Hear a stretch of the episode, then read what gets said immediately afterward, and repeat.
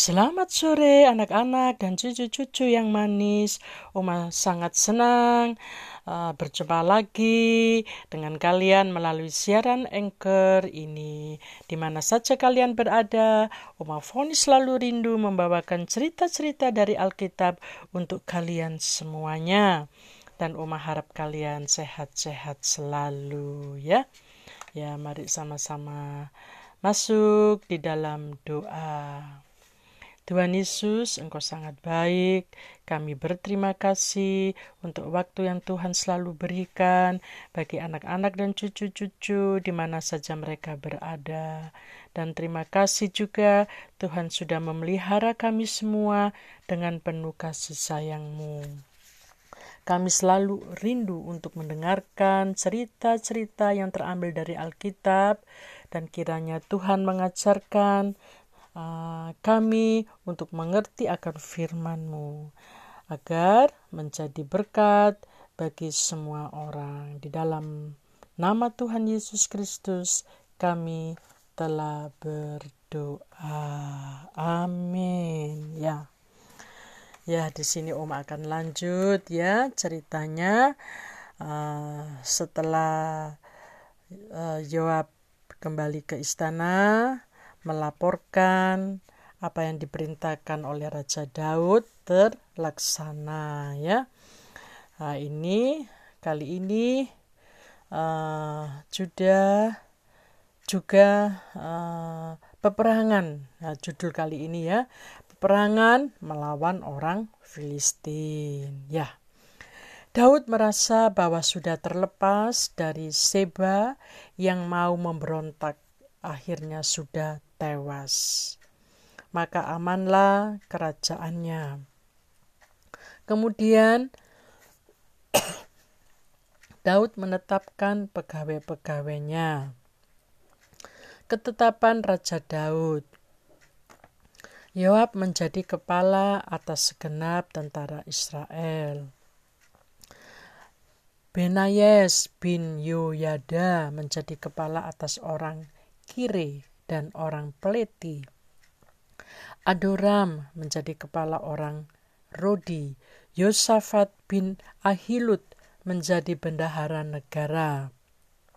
Sea menjadi panitera negara. Sadok dan Abiatir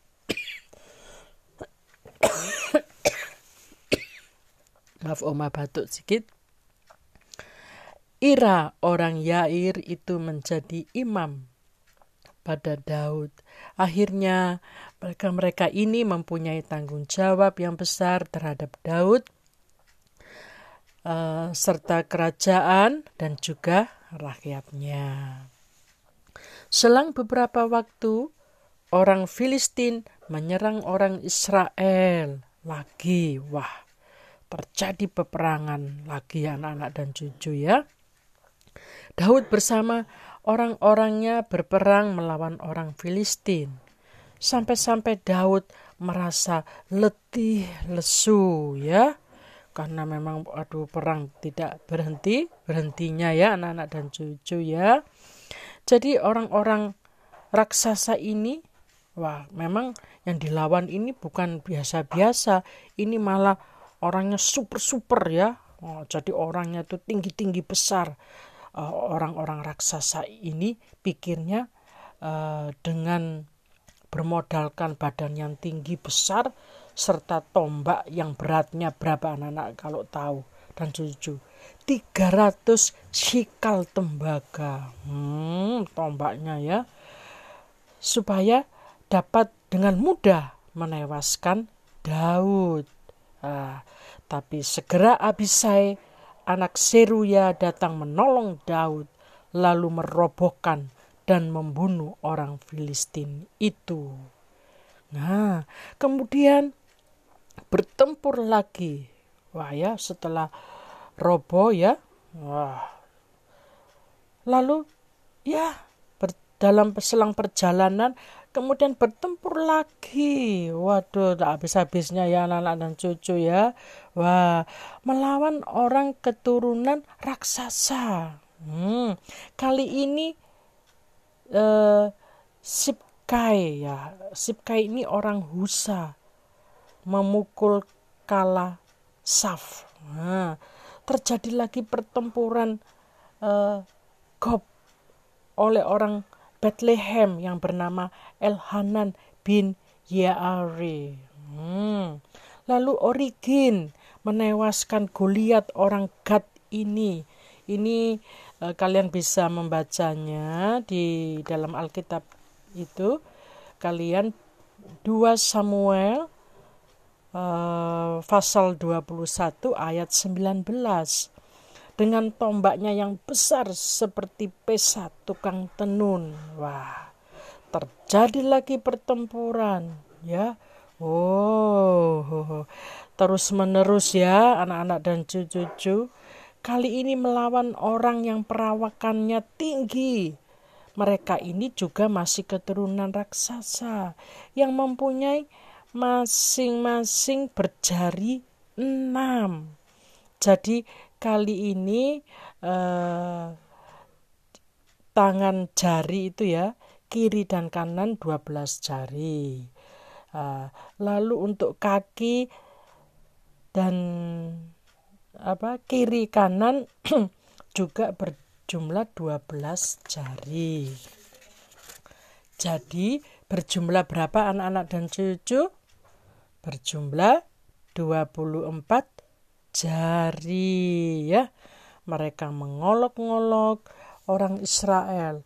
Akhirnya Yonatan anak Sim, Simea ya, kakak Daud ini yang menewaskannya. Daud melihat semua kenyataan ini bahwa Allah masih membela dia dengan pasukannya. Ia sangat bersyukur. Oleh sebab itu Daud memuji Tuhan dengan nyanyian syukurnya. Ini kalian bisa membacanya ya anak-anak dan cucu pada kitab 2 Samuel pasal 22 ayat 1 hingga 51 ya.